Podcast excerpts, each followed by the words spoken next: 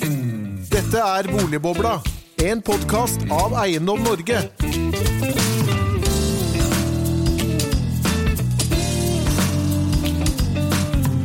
Hjertelig velkommen til en ny episode av Boligbobla, denne gang om bedre, best eller mest boligskatt. For boligbeskatningen har vært elefanten i rommet i boligpolitikken, men omsider diskuteres innretningen av boligbeskatningen også i Norge. Og stortingsvalget 2021 vil trolig bli et vannskille, da flere av partiene nå seriøst diskuterer de såkalte skattesubsidiene til boligeierne, og hvordan de bør være i fremtiden. Debatten har også fått drahjelp av høye boligpriser og en boliglånsforskrift som setter en grense for hvor rik man må være for å bli boligeier i Norge. Samtidig går det også en global debatt om tilgang til bolig, en boligmarkedet for alle, fordeling av formuesgoder og ulikhet. Skal vi ha best, bedre eller mest boligskatt, spør vi, og er det ikke egentlig en vellykket fordelingspolitikk at flest mulig eier sin egen bolig? For å ta oss gjennom dette utmerkede temaet, så har vi fått noen flotte gjester. Finanspolitisk talsperson fra SV, Kari Elisabeth Kaski, hjertelig velkommen til deg. Takk skal du ha. Og så har vi fått forsker, boligskatteforsker Erlend Eidebø fra SB, hjertelig velkommen til deg. Takk for det. Og ved min side som alltid så sitter Regne-Norge-direktør Henning Lauritzen. Hjertelig velkommen til deg. Takk, takk. Henning, dette, som jeg sa, dette er ikke bare en norsk debatt, dette er en global debatt. Hva, hva er det som foregår internasjonalt på, på bolig, hva skal du si, boligskatteområdet og boligpolitikkområdet? På, på boligpolitikkområdet så ser man eh, i mange vestlige land at man annet har hatt en synkende eierandel. Altså Storbritannia er et veldig godt eksempel hvor man, hvor man har hatt relativt høye eierandeler. Og så, så, ser man spesielt i byene at, uh, at eierandelen går ned. Uh, og, og, hvis vi ser rundt omkring en del andre, vi kan jo begynne med europeiske land, så, så er det ganske store diskusjoner rundt boligpolitikken i øyeblikket. Altså Tyskland har kanskje alltid vært, vært litt spesiell, for da, da, er det litt mer intenst debattnivå. Men, men, Berlin er jo et ganske sånn godt eksempel på sted hvor det er store boligdebatter. Og det er Eh, man kan egentlig dra det litt lenger. Man også si sånne, altså sånn i, det, på Tidlig på året så hadde det, det liberale økonomiske tidsskriftet Før Economist dette da. Før korona. Da hadde de en, en spesialutgave hvor de, hvor de, egentlig stilte spørsmålet om hele eierlinjen har vært Om det at folk skal eie sin egen bolig? Ja, rett og slett har vært en slags katastrofe mm. uh, for, for, samfunnet. Fordi det de i hvert fall så, så ut til å, å begynne å på sett og vis erkjenne, er at politikerne i de store byene de klarer ikke helt å løse dette problemet med, med priser. Altså det er vanskelig å bygge nok og alle disse tingene, som, som gjør at prisen ikke helt tar av. Men bakteppet for Economist var vel altså USA, og, og, og der var det jo en spesiell situasjon post eh, finanskrisen, men også forut for det. Eh, hva var det som, var, liksom står inn der? Nei, Der har man jo hatt en del eh, andre, andre sånne tilleggsproblemer, som, som for så vidt som, som, som også kom i kjølvannet av finanskrisen, hvor mange faktisk mistet boligene sine, og, og, kom over i leide boliger. og det, det, er jo noe av det samme vi har sett i en, en del andre land også. Og så, så, får man et skifte, og så får man stadig flere som faller utenfor det man kan kalle fordelene ved å, ved å eie egen bolig. Og den, den, debatten ruller jo rundt omkring, og eh, er jo i ferd med å, å treffe Norge på forskjellige måter også. Jeg syns jo skattedebatten delvis er uttrykk for, eh, for, noen av de samme problemstillingene i Norge, men i, i litt mindre skala, heldigvis, enn en det man har sett mange andre steder. Men samtidig så er det jo da altså store ambisjonen til FN er jo en god bolig for alle. Det er jo bærekraftsmål, eh, et av bærekraftsmålene. Ja, og det, det er det å altså, si sånn FNs bærekraftsmål nummer 11, f.eks. bærekraftige byer og lokalsamfunn, syns jeg jo ofte i debatten at uh, det man kanskje kan kalle den sosiale bærekraften, da, det at folk skal ha råd til en bolig, muligheten til å skaffe seg en egnet bolig, mm. er, er, en del av bærekraftsmålet som er litt underkommunisert mm. i mye av diskusjonen. fordi det, bli, det, blir ofte de andre sidene av bærekraftsmålene som, som på en måte vinner kampen om, uh, om arenaen. Mm, men samtidig så har da Verdensbanken. De har sagt at det må da bygges 300 millioner boliger i verden de neste tiåret?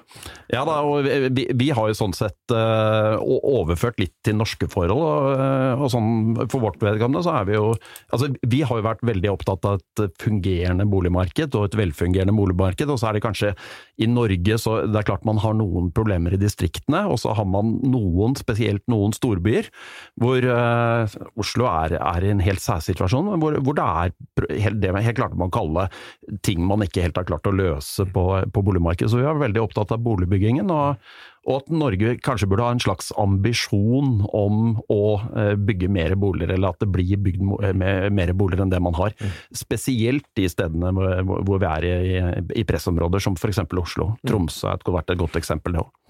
Erlend, dette, dette, er jo ikke bare en årsdebatt som vi hører, men, men du er jo ekspert på, på da i hvert fall delvis ekspert på norske forhold, jeg vet ikke om du er ekspert på internasjonale forhold også. Men, men du, du, har jo da gjort et forskningsarbeid som, som, har jo fått hva skal du si, kan jeg kalle det hard medfart, av annet Trygve Egnar. Men, men hva, hva, er det du uh, vi kaller det? To fluer i én smekk, kaller du vel den norske oversettelsen? Hva, hva, er det du Flere enn to også, men Flere enn to! Ja. Det er mange fluer!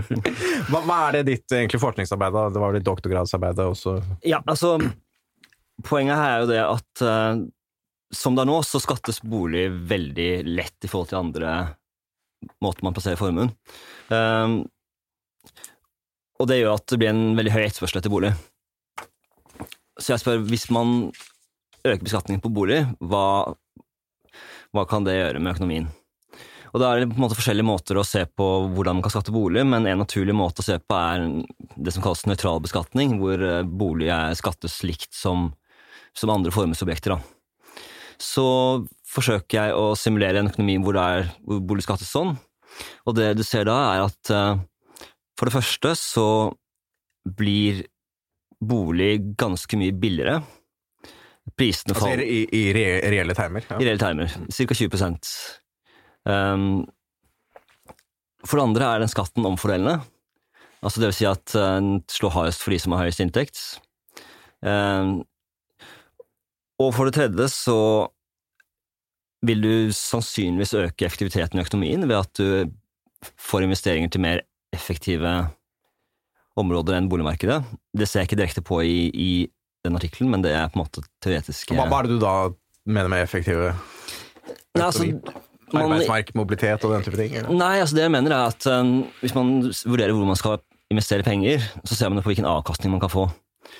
Og når det er skatt, lav skatt på bolig, så gjør det at eh, avkastningen blir kunstig høy. Så man kanskje heller burde investere i eh, ja, bedrifter eller fabrikker istedenfor eh, enda et boligbygg. Og der har du 97,8% av alle norske samfunnsøkonomer med deg, har du ikke det? Det er nok de aller fleste, iallfall. Og så et siste element er jo at å innføre boligskatt kan, skape, kan gi ganske gode inntekter. Den artikkelen min ser på 2013-tall, og da er det 40 40 milliarder omtrent i eh, inntekt. Og de kan da enten brukes til å redusere andre skatter som er mer skadelige. F.eks. dokumentavgift eller arbeids... Det er vi veldig tilhengere av. Ja. Eh, eventuelt for å bedre velferd på andre felter. Så det er på en måte mange, mange gode grunner til å skatte bolig hardere enn nå. Mm. Men eh, eh, Kari, du, dere, dere, sier jo i SV at dere vil ha en aktiv og mer rettferdig boligpolitikk. Eh, mm. Og, og, dere er jo ikke fremmed for, for å diskutere boligbeskatningen heller. Hva betyr det i praksis? Det betyr mye. Og, og boligskatt er en ganske sentral del av, av vår politikk. Um, og det handler jo egentlig om det som vi hører også her. Altså, jeg mener vi har særdeles godt faglig belegg for å mene at man bør beskatte bolig eller eiendom mer i Norge. Um, og det, det, har vi godt forskningsarbeid på her i Norge, men, men det er også egentlig råd som, som, man får internasjonalt. Når OECD og Det internasjonale pengefondet kommer og snakker med, og gir sine råd til, til finanskomiteen på Stortinget, eksempel, så bolig, boligmarkedet og bekymringer rundt det, men også boligbeskatning et av temaene som tas opp. Eh, bolig er skatta lavt i Norge, eh, og sammenligna med f.eks. andre formuesobjekter, og, og, vi har også noen sånn risiko for ubalanse, rett og slett, eh, i, i norsk økonomi som følge av den høye gjeldsgraden.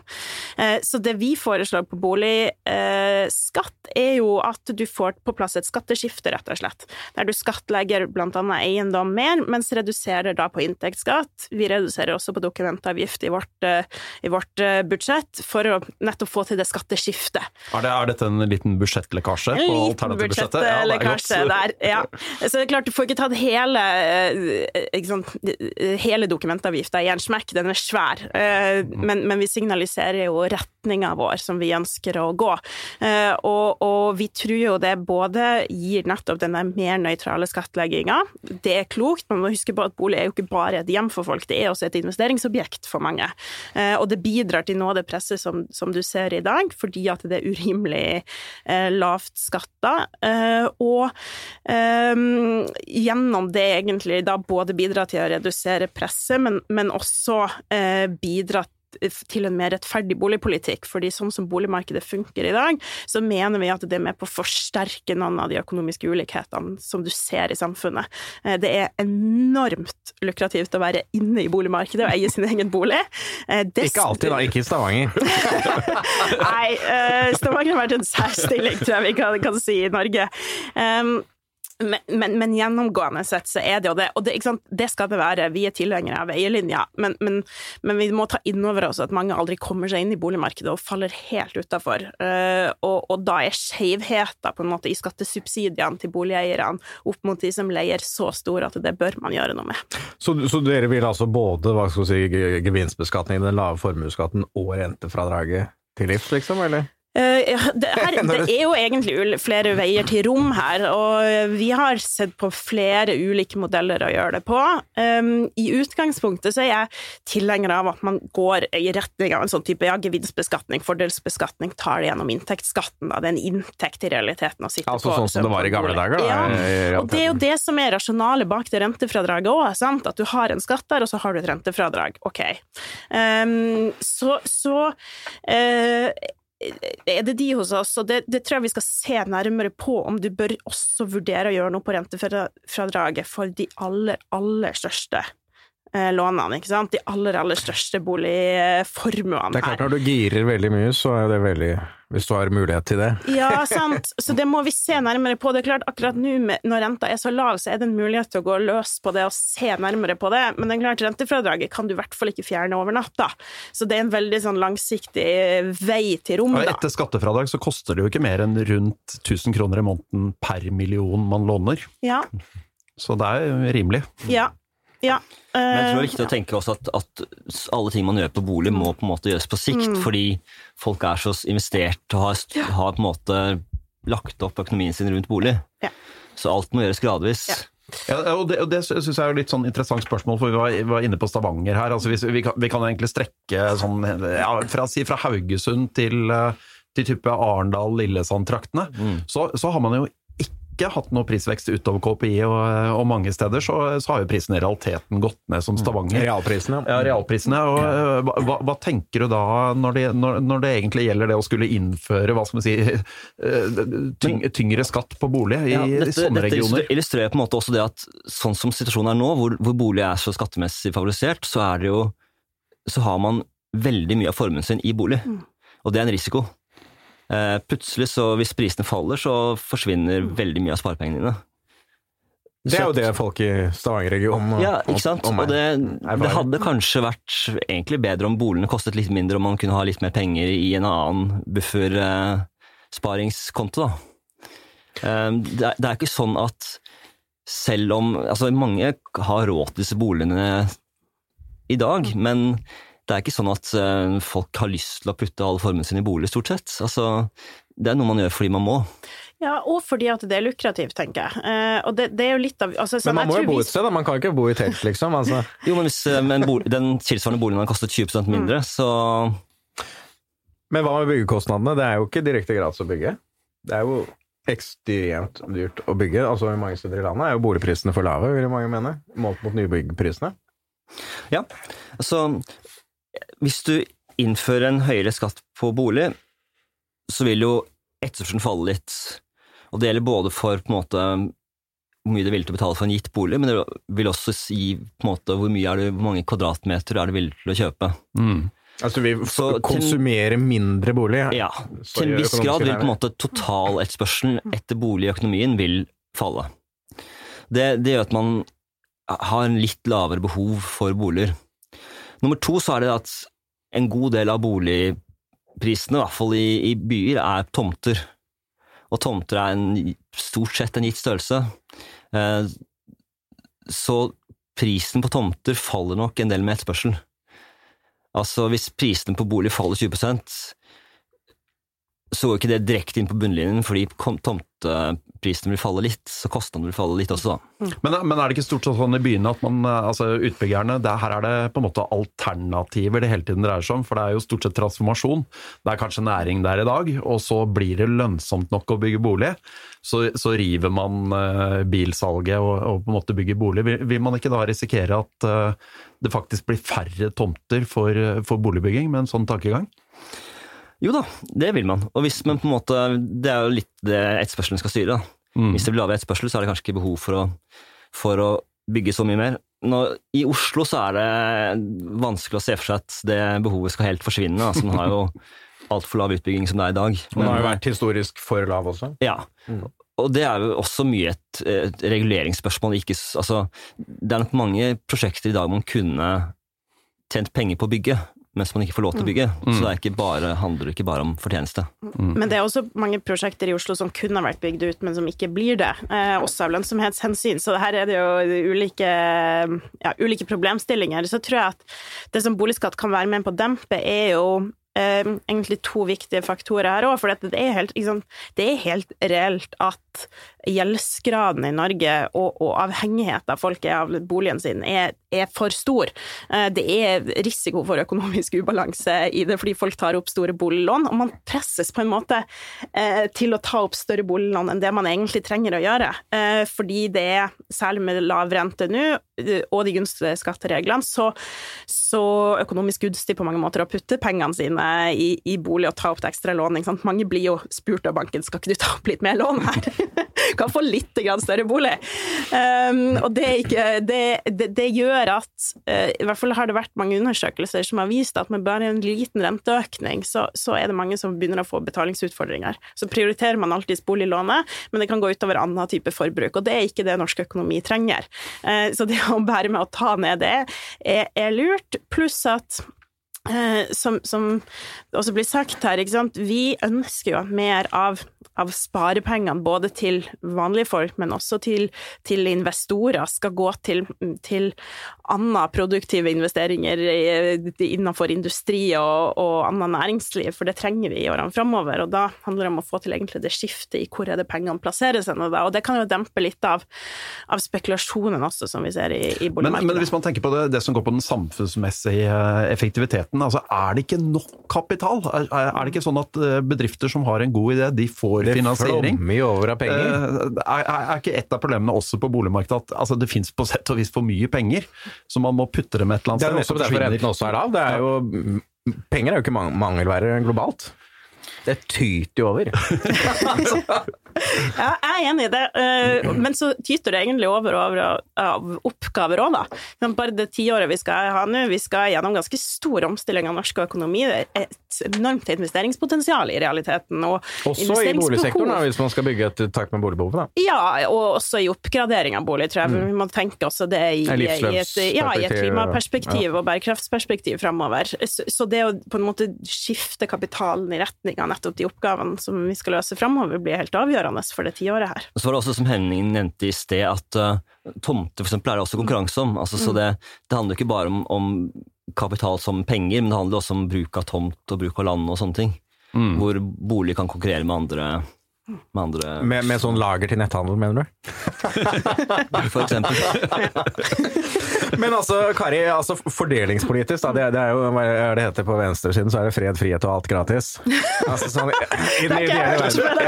Det ble det i hvert fall da jeg studerte, så ble det Magnus Marsdal, nå leder av Manifest, da, tankesmien Manifest, alltid å si det. Fred, frihet og alt gratis. Eh, Men, men altså, fordelingspolitisk så er jo det norske boligmarkedet en enorm suksesshistorie. Altså, og ikke bare etter norske forhold, men altså globalt. Dette er jo en demokratisering av eierskap. Nordmenn flest er jo rike, ikke sant? fordi at de har eid sin egen bolig. Eh, hvorfor, vil du på en måte dette til livs, eller hva, hva, vil dere bevare eierlinjen for Ja. det brede lag? Det, det vil jeg være tydelig på, at vi skal bevare eierlinja. Men, men jeg er jo opptatt av å si at boligmarkedet funker stort sett godt i dag, men det, fun ganske dårlig fordi det funker dårlig for. Og det er særlig eh, de som ønsker å komme seg inn i boligmarkedet, men som ikke gjør det. Altså ufrivillige leietakere, rett Ja, og slett. Ja. og, og, og man skal huske på at selv om vi har den fortellinga om eierlinja i Norge, som har vært på mange måter en suksess, så, så eh, er det fortsatt sånn at over 20% leier. Og det, det er såpass mange, mennesker at vi må ha en politikk for de også, det er det ene. Eh, og det handler på en måte om leiemarkedet i seg sjøl, og er tema for, for en egen podkast, egentlig. Men, men også for de folka der som, som ønsker å komme seg inn i boligmarkedet. Altså fysioterapeuten som har fast jobb, men, men ikke kjempehøy inntekt, men som er, eh, som er, er enslig, og ikke foreldre som kan hjelpe deg inn i boligmarkedet, da kommer du ikke inn. Sant?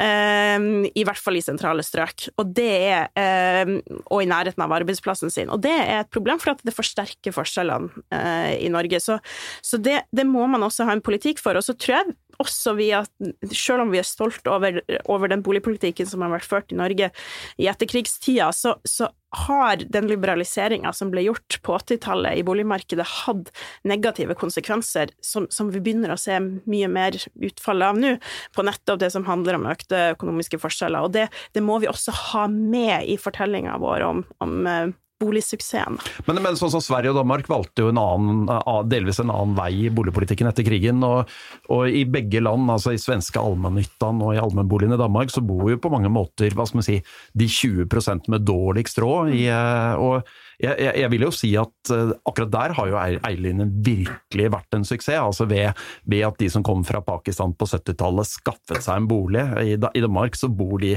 kanskje i Odense i en leid bolig i et område som man kanskje vurderer å rive. Så det, det er noen sånne ting vi må si har vært en skikkelig suksess også. Jo, men det der er jeg opptatt av at um, man skal være fornøyd med det som har vært gjort historisk, men vi må også være ærlige nok på å si hva som ikke funker i dag. Uh, og når du har en alenemor i en, i en norsk by som, som er henvist til det kommunale, til kommunalboliger i realiteten, til sosialbolig, um, der vi vet det er store utfordringer og ikke er gjort godt nok, og ikke har sjanse til å komme seg inn og få kjøpt sin egen bolig, så er det et problem. Um, den alenemora får aldri ta del i den velstandsveksten som det innebærer å eie sin egen bolig. Og, og da mener jeg at da, da, da må vi tørre å diskutere ny boligpolitikk i Norge som, som innebærer egentlig å ta det beste av flere land her, og beste av flere verdener, som er å holde på eierlinja, men også se at kanskje Danmark og Sverige har gjort noe lurt i, i sitt leiemarked som, som gjør at eh, det er lettere for folk etter hvert å kunne skaffe seg sin egen bolig, og i hvert fall bo tryggere og mer stabilt enn det gjør i dag. Da. vi får håpe finansministeren ikke hører på finanstilsynssjefen når det gjelder boliglånsforskriften, for da Ja. får ikke sykepleierne eller fysioterapeuten kjøpt mange boliger i byene. Men, men Erlend, har, har ikke altså den norske boligmodellen vært en fantastisk fordelingspolitisk suksess? På mange måter har den jo det, men som, som Kari sier, så er det jo noen som ikke har råd til bolig. Um, klart noen av dem er studenter og helt greit til leier, men noen, har ikke råd, noen vil vel gjerne ha bolig og har ikke råd til det. Og du ser en veldig skille for eksempel i Oslo hvor folk bor, hvor folk har råd til å bo. Og at folk som har dårlig råd, er nødt til å pendle lenger og bo i mindre attraktive områder. Ehm, så, så er det sånn at det er mange gode grunner til å eie. Så man har stabilitet, man har eh, Man kan eh, bo lenge, man kan velge akkurat hvor man vil bo og slipper å bli kastet av leieboliger. Men eh, det, de fordelene forsvinner jo ikke ved beskatning av bolig. Altså det er på en måte Det er ikke nødvendigvis noen grunn til å subsidiere bolig, fordi dette er, folks, dette er fordeler som folk tar inn over seg, og som da gjør at de er villige til å betale for bolig. Men vil det bli mer fordeling? Altså, vil Norge score på en måte bedre på, på Gini-koeffisienten med det opplegget du, du har? Ja, det vil jeg. Ja, det vil det, fordi at Altså- inntektsbeskatningen vil reduseres, er det hva? Nei, nei, bare fordi eh, Altså De Altså Inntektene etter skatt vil bli jevnere fordelt hvis du har den boligskatten jeg skisserer. Fordi det er en presumpsjon for at de med god inntekt bor i de største boligene. Og får de største Det er Empirisk sett så, så er det sånn det er. Det er vel praktisk også, har jeg sett. Ja, så, så det, det er klart, den, den, den artikkelen min ser ikke på langsiktige virkninger. Um, Ok, det er det som her og nå blir, Det på en måte sånn, hvis du innfører den skatten på sånn som folk bor nå, Ja. ikke sant? Og det, det kan skje ting over lang sikt, altså man, som, som er vanskeligere å, å få inkludert i en sånn type, type modell. Men øh, det er på en måte sånn at de rikeste vil bo godt, og de har store boliger, og de blir derfor truffet hardt av boligskatt. Jeg går meg en tur til kjøkkenet, liksom. Men, men siden du skrev den artikkelen første gang i, eh, i 2013, du har lagd en oppdatering, så vidt jeg husker. eh, Det har skjedd enkelte ting i skattesystemet da, har det ikke det? Som har, som har gjort noen endringer på boligområdet? Ja, det har jo det. Det har vært litt eh, endring i eh, skattesatsen, kapitalskattesatsen, og litt eh, endringer i formuesskattesatser. Så det er på en måte Men det er detaljer. Det vil kanskje slå litt inn på akkurat hvor mye inntekt man får inn, eksempel. Men eh, konklusjonen om, eh, om økt bedre fordelingsegenskaper ved boligskatt, den er ikke endret av den. Men hvis vi ser for oss eh, den, eh, den, modellen din, altså at, at den fører til at boligprisene synker med, med 20 så, så blir jo altså, eh, Hvis man ser på virkningen på det når det gjelder kostnader ved å, eh, rene bokostnader, blir jo den kanskje bare 1000 kroner måneden eller noe sånt. Eh, og så, og så, så får man jo på den andre siden da mer skatt, altså en bolig på fem millioner eller noe sånt, da får du vel kanskje 4000 kroner mer i skatt og 1000 kroner mindre i rente eller noe i den duren. Eh, sånn at eh, Altså, totalen vil nok være ganske jevn, bare at man flytter litt av kostnaden fra de der å kjøpe boligen til en løpende kostnad. Altså dokumentavgiften, men tenker du på det? eller? Nei, på at boligprisene Ja, faller prisene, også. ja. ja. Mm. Um, men det er litt av det som er, gjør at det er fordelaktig for folk som er for eksempel førstegangskjøpere og skal inn på markedet. Da. De sliter jo ofte med at de mangler egenkapital og for lite lån. For de som ikke har problemer med betalingskapasiteten, så er, det, så er det ikke så farlig at det blir litt dyrere på sikt. Det vanskelige er å komme seg inn i markedet. mm. Um, Men altså, det, i det generasjonsperspektivet, da, nå har jo da unge, eller Venstre, har vel nå innstilt sitt program å, å avskaffe altså rentefradraget for, for bolig, sånn som jeg forsto det, men ikke rentefradraget som sådan. Eh, altså, Vi reagerte litt på det, for dette, sånn som vi vurderer det, så er jo det forslaget en gavepakke til da, hva skal vi si, Fredensborg og de store boligeierne eh, i Norge, mens da altså grovt, liksom, hva skal du si, ta tilbake en fordel som har vært her eh, i mange, lenge, som nå da rammer da de, de, de unge, strengt talt, egentlig, og de som er kommet sist inn, fordi at de ikke har fått dette.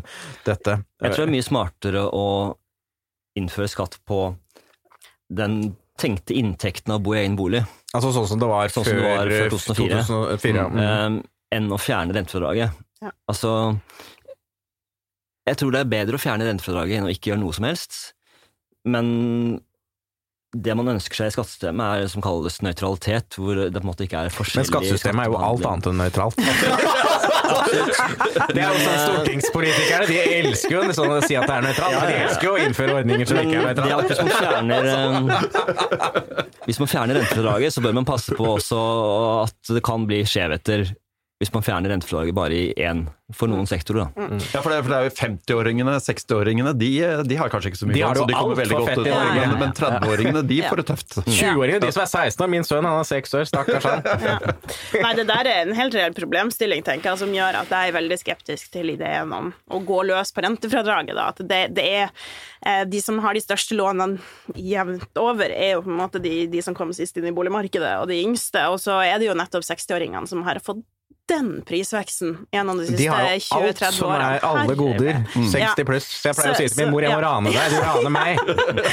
Men, men det illustrerer også liksom den politiske problemstillinga her. Da, fordi, og dette har vi diskusjoner om i eget parti også. Det å forklare den, den fordelsbeskattløsninga, da eh, Pedagogisk. På pedagogisk måte. Det er så vanskelig. Men er det, det kan var ikke du forklare det på en pedagogisk måte nå? Den fordelsplanen. For jeg skjønner ingenting av den. Det var før min tid som Min, min spesialitet er kanskje ikke å forklare pedagogisk, eh, men eh, det, det som er at man, når man eier en bolig, så, og så bor man i den, så leier man på en måte ut boligen til seg selv.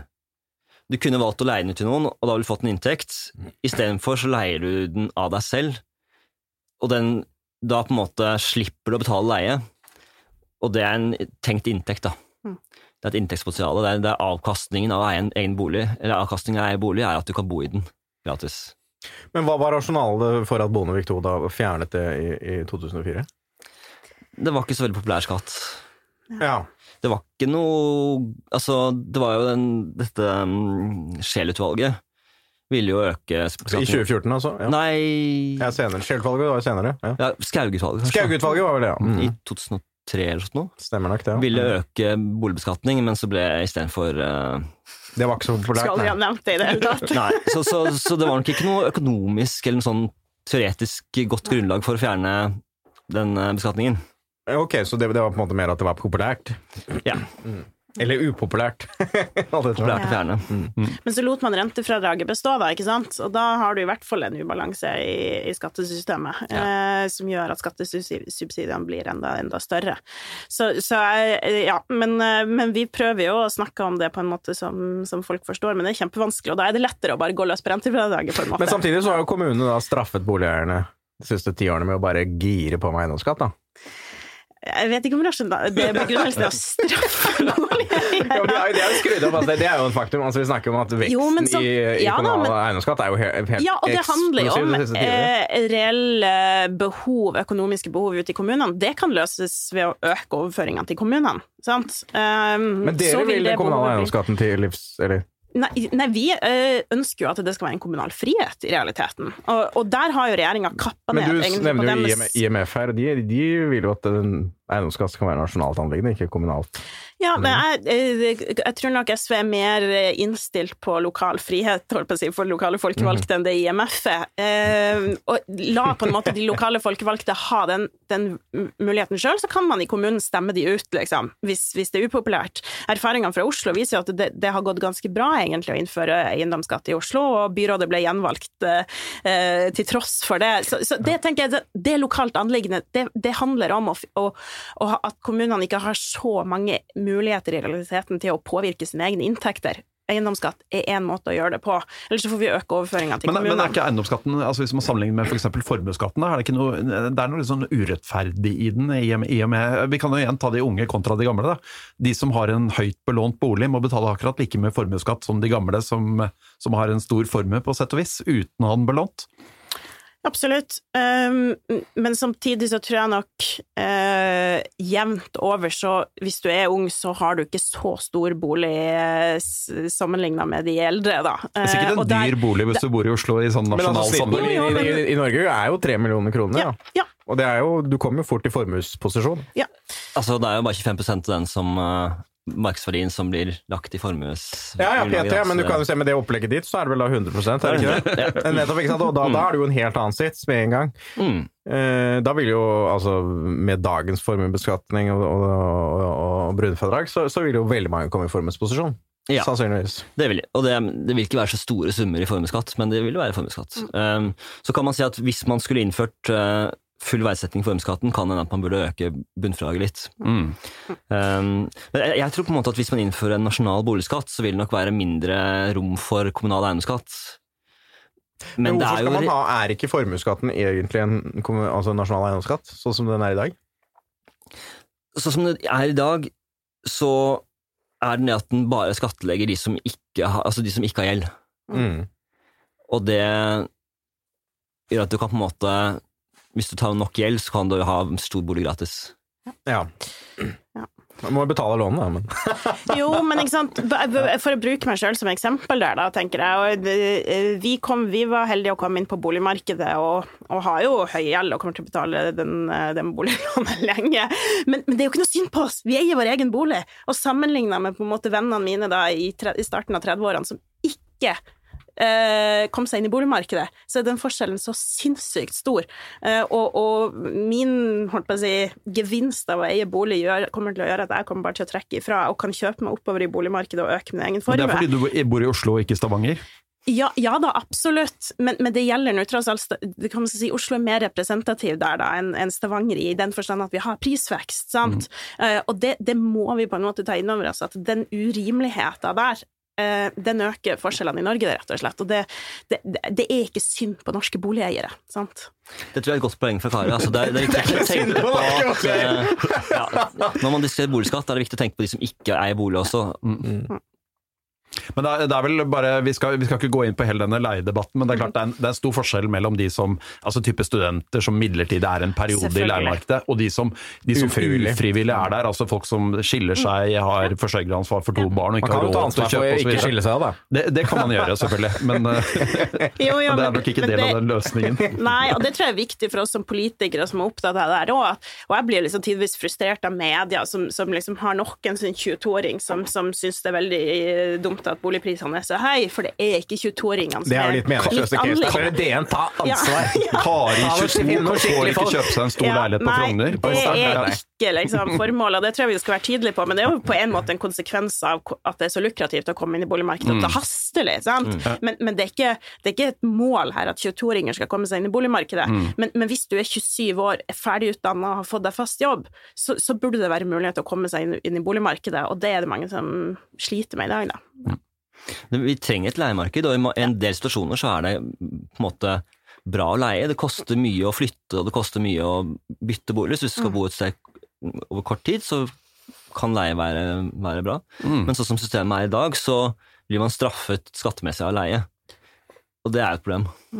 Men vi, vi snakket litt om de internasjonale forholdene her, jeg vet ikke om du kjenner til det. Men, men hvordan står liksom de norske subsidiene er jo komparativt sett? Dette er jo vært ganske vanlig å ha moderat boligbeskatning i mange, mange europeiske land, blant annet. Eh, hvordan er debatten internasjonalt på dette her? Er det, er det liksom den retningen du går i, som er ledende, eller? Altså, er, de fleste land har relativt lav beskatning av bolig.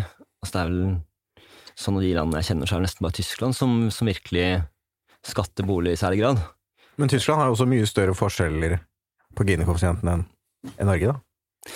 Ja da, men det er veldig mye annet som eh, kommer inn der også. Altså, det kommer inn med organisering av økonomien og organisering av arbeidsliv og eh, sånne ting. Altså, det, jeg tror ikke man skal si at boligmarkedet ting, forårsaker all ulikhet i, i, i, i verden. Men du har jo inntektsulikhet og formuesulikhet, da. Altså, Ja. På formuesulikhet så er jo Tyskland skårer ganske dårlig, sammenlignet med de boligeierlandene, da. Det er i hvert fall det jeg har sett. ja. Ja da, men Tyskland er organisert med altså, mye selskaper som er privateid. Altså, det er litt sånn Mm. Ja, tror ikke man kan sammenligne det direkte. Um, men nei, altså De fleste land har ganske lav beskatning av bolig. Og um, men, men mange land diskuterer å, å, å øke skatten på bolig. Altså det, for eksempel um, stadig vekk debatt i USA om å fjerne rentefradraget. Uh, England fjernte på, ja, over lang tid ved å bare ha et tak på det, og så ikke justere for inflasjon. Mhm. Um, men klart, det er, det er en, i land hvor, hvor mange er boligeiere, så er det politisk vanskelig å øke skatten særlig. Så, så du er da tilhenger av hva skal du si, den Economist-lederartikkelen som eh, i januar, Så da gikk til angrep på, på dette hva skal du si, skatteregimet for bolig? da, eller? Altså, jeg, jeg tror det kan være mange fordeler ved at folk eier bolig, men jeg tror ikke nødvendigvis at de trenger å subsidieres av skattesystemet for det. Mm. Altså hvis du, er, hvis du har lyst til å ha egen bolig, har lyst til å eie den, så, så er, kan du betale for det. Du trenger ikke en skattesubsidie for det. Så, så du mener da, hvis vi skal dra litt tilbake til bærekraftsmålene, da, og FNs bærekraftsmål nummer 11, som handler om tilgang til en god bolig og, osv., det, det behøver ikke være en eid bolig for å oppnå da det, det målet, eh, sånn som du ser det? Globalt sett, da. Som Altså, egentlig er den debatten som nå går. Jeg tror i hvert fall man ser på en måte at altså, alle kan ikke eie sin egen bolig. Alle ønsker ikke å eie sin egen bolig. Alle er ikke i en situasjon hvor de til enhver tid skal ha bolig. Så jeg tror å passe på at man har muligheter til å få en leid bolig som også er et godt sted å bo, det er viktig. Um, å ha et system hvor alle til enhver tid skal eie bolig, virker veldig, veld, veldig merkelig. Det blir mye, mye eiendomsmegleroppdrag, da. Ja, det- det er jo vi Ja, Det vi liker, er at man selger dem ofte. Eh, rett og slett. Det er det beste. Da går det ordentlig bra. Men, men eh, hvis, man, hvis man ser på en del av disse spørsmålene som, eh, som går på eierskap til bolig, så har jeg alltid tenkt at altså, eh, Du kan på en måte si da man valgte eierlinje i Norge, så, så fikk du på sett og vis en slags sånn frihet fra gårdeierne. Eh, og så vil jeg jo også si at boligeierskap gir kanskje den største friheten da fra staten. Eh, fordi når, når dere i SV f.eks. og andre partier snakker om boligskatt, så, så står man jo samtidig overfor en, en veldig stor andel av befolkningen som eier bolig. og det er sånn, Man, man kan liksom ikke tulle for mye med boligeierne. Man, man får en sånn frihet i begge retninger, egentlig. Og det, det tror jeg jo kanskje er noe som, eh, som mange også vil verdsette. Men Man, man har en veldig stor trygghet eh, og forutsigbarhet. Klart man har det, og det, det må vi eh, ivareta, tenker jeg. Men det, det trenger ikke å, å eh, Altså, jeg mener at det går hånd i hånd, da, nettopp fordi at det er noen, noen reelle trusler mot boligmarkedet òg, både på ubalanse, på, på, på at bobla bobler sprekker og, og, og, flere andre sånne grep. Så, så, så, så jeg tror dette henger i hop, men det er klart vi som politikere må gjøre det over tid, og det må være forutsigbart, og det må være tydelig hva, hva vi gjør da. Mm. Men jeg tror ikke det er noen grunn til å tro at måte, man går tilbake til en slags sånn um, pre-liberaliseringssituasjon eh, hvor eh, alle boliger i byen er prisregulert mm. og, og, eid av eh, borettslag eller store selskaper, bare hvis man endrer litt på skattesystemet. Altså det, er, det var mer det var større andre strukturelle endringer. Det er mer mangfold i, som, i, eierskapet enn det historisk har vært? da. Ja, ja i hvert fall at historisk sett så, så, så, var det mye andre strukturer som gjorde at markedet var sånn som det var. Da. Så det er ikke sånn at man går tilbake til Du kan ikke gå tilbake til 70-tallet? Ja, eller 30-tallet. Eller 1890-tallet. Altså, det, det er ikke en endring i boligbeskatningen som, som, gjør det, på en måte. Det er mye andre Det er andre strukturelle ting i økonomien. Mm. Ja. Men nå sprakk boligbobla, fordi nå er tiden over. Det går fantastisk fort når vi er her i, i podkaststudio, men vi, vi, har jo alltid en eh, fast spalte som vi drar gjestene gjennom, og det er jo da din, din første bolig.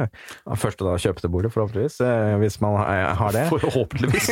forhåpentligvis, det vet vi allerede at Kari har her. Men uh, Kari, hva var din første bolig? Hva kjente du? Hva følte du? du må gjerne si hva du betalte også. ja, for å huske tilbake til det, da. Vi kjøpte, var det i 2013 vi kjøpte vår første på eh, sånn uh, Veldig bra tidspunkt. Da sank boligprisen veldig mye i Oslo. Ja, ikke sant. Uh, og så hadde vi jo litt prisoppgang etter det.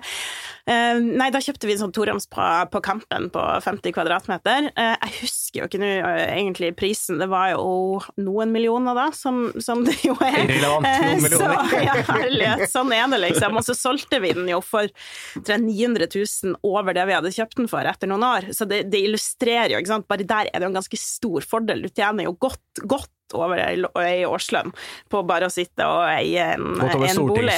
Uh, ja, ikke sant. Herregud. Uh, så det er jo illustrativt for det. Men så lyst til å si, den leiligheta der, den, også, den, gode, den, var jo en av de gamle arbeiderboligene egentlig fra, fra 30-tallet, og, og, alt var ikke galt før heller, altså. For det, planløsning og alt viste hvordan du kan liksom få 50 kvadratmeter på og kjøkken, eget kjøkken mm. og stue og soverom Mye av det som har vært ulovlig å bygge i dag, var faktisk ja, veldig bra. De beste boligene ble bygget før eh, altså, byggeforskriftene ble strenge, pleier jeg å si. Ja, men det er faktisk noe å ha med seg, tenker jeg, for oss politikere. Eh, Erlend? Ja, Din første bolig, hva kjente du, hva følte du? Jeg kjøpte en, uh, min første bolig i 2012. Um, da hadde jeg jobbet i tre år og spart opp litt uh, ja, egenkapital og fått litt lønnsøkning, sånn at jeg hadde råd til dette. Um, og jeg ville aldri hatt råd til noe sånt uh, i dag, med dagens priser. Men ja, det var en toroms på Tøyen, eh, rundt 50, sikkert eh, sånn 30-tallsskår, sikkert ganske lik som ja. Eh, Karis. da. Jeg var veldig fornøyd, hadde bodd med, bodd med, venner i veldig mange år, så jeg var klar for å bo litt alene. Så, så det kjennes godt, med andre ord? Det var godt. Ha hele kjøleskapet selv? Ja, ja og så slippe å liksom flytte og flytte og flytte, som var tilfellet når vi var ute i leiemarkedet. Men det er ganske slitsomt. Ja. ja. fantastisk. Takk til Erlend, takk til Kari, takk til Henning, takk til meg. Vi er tilbake med nye episoder av Boligbobla før vi vet ordet av det. Takk.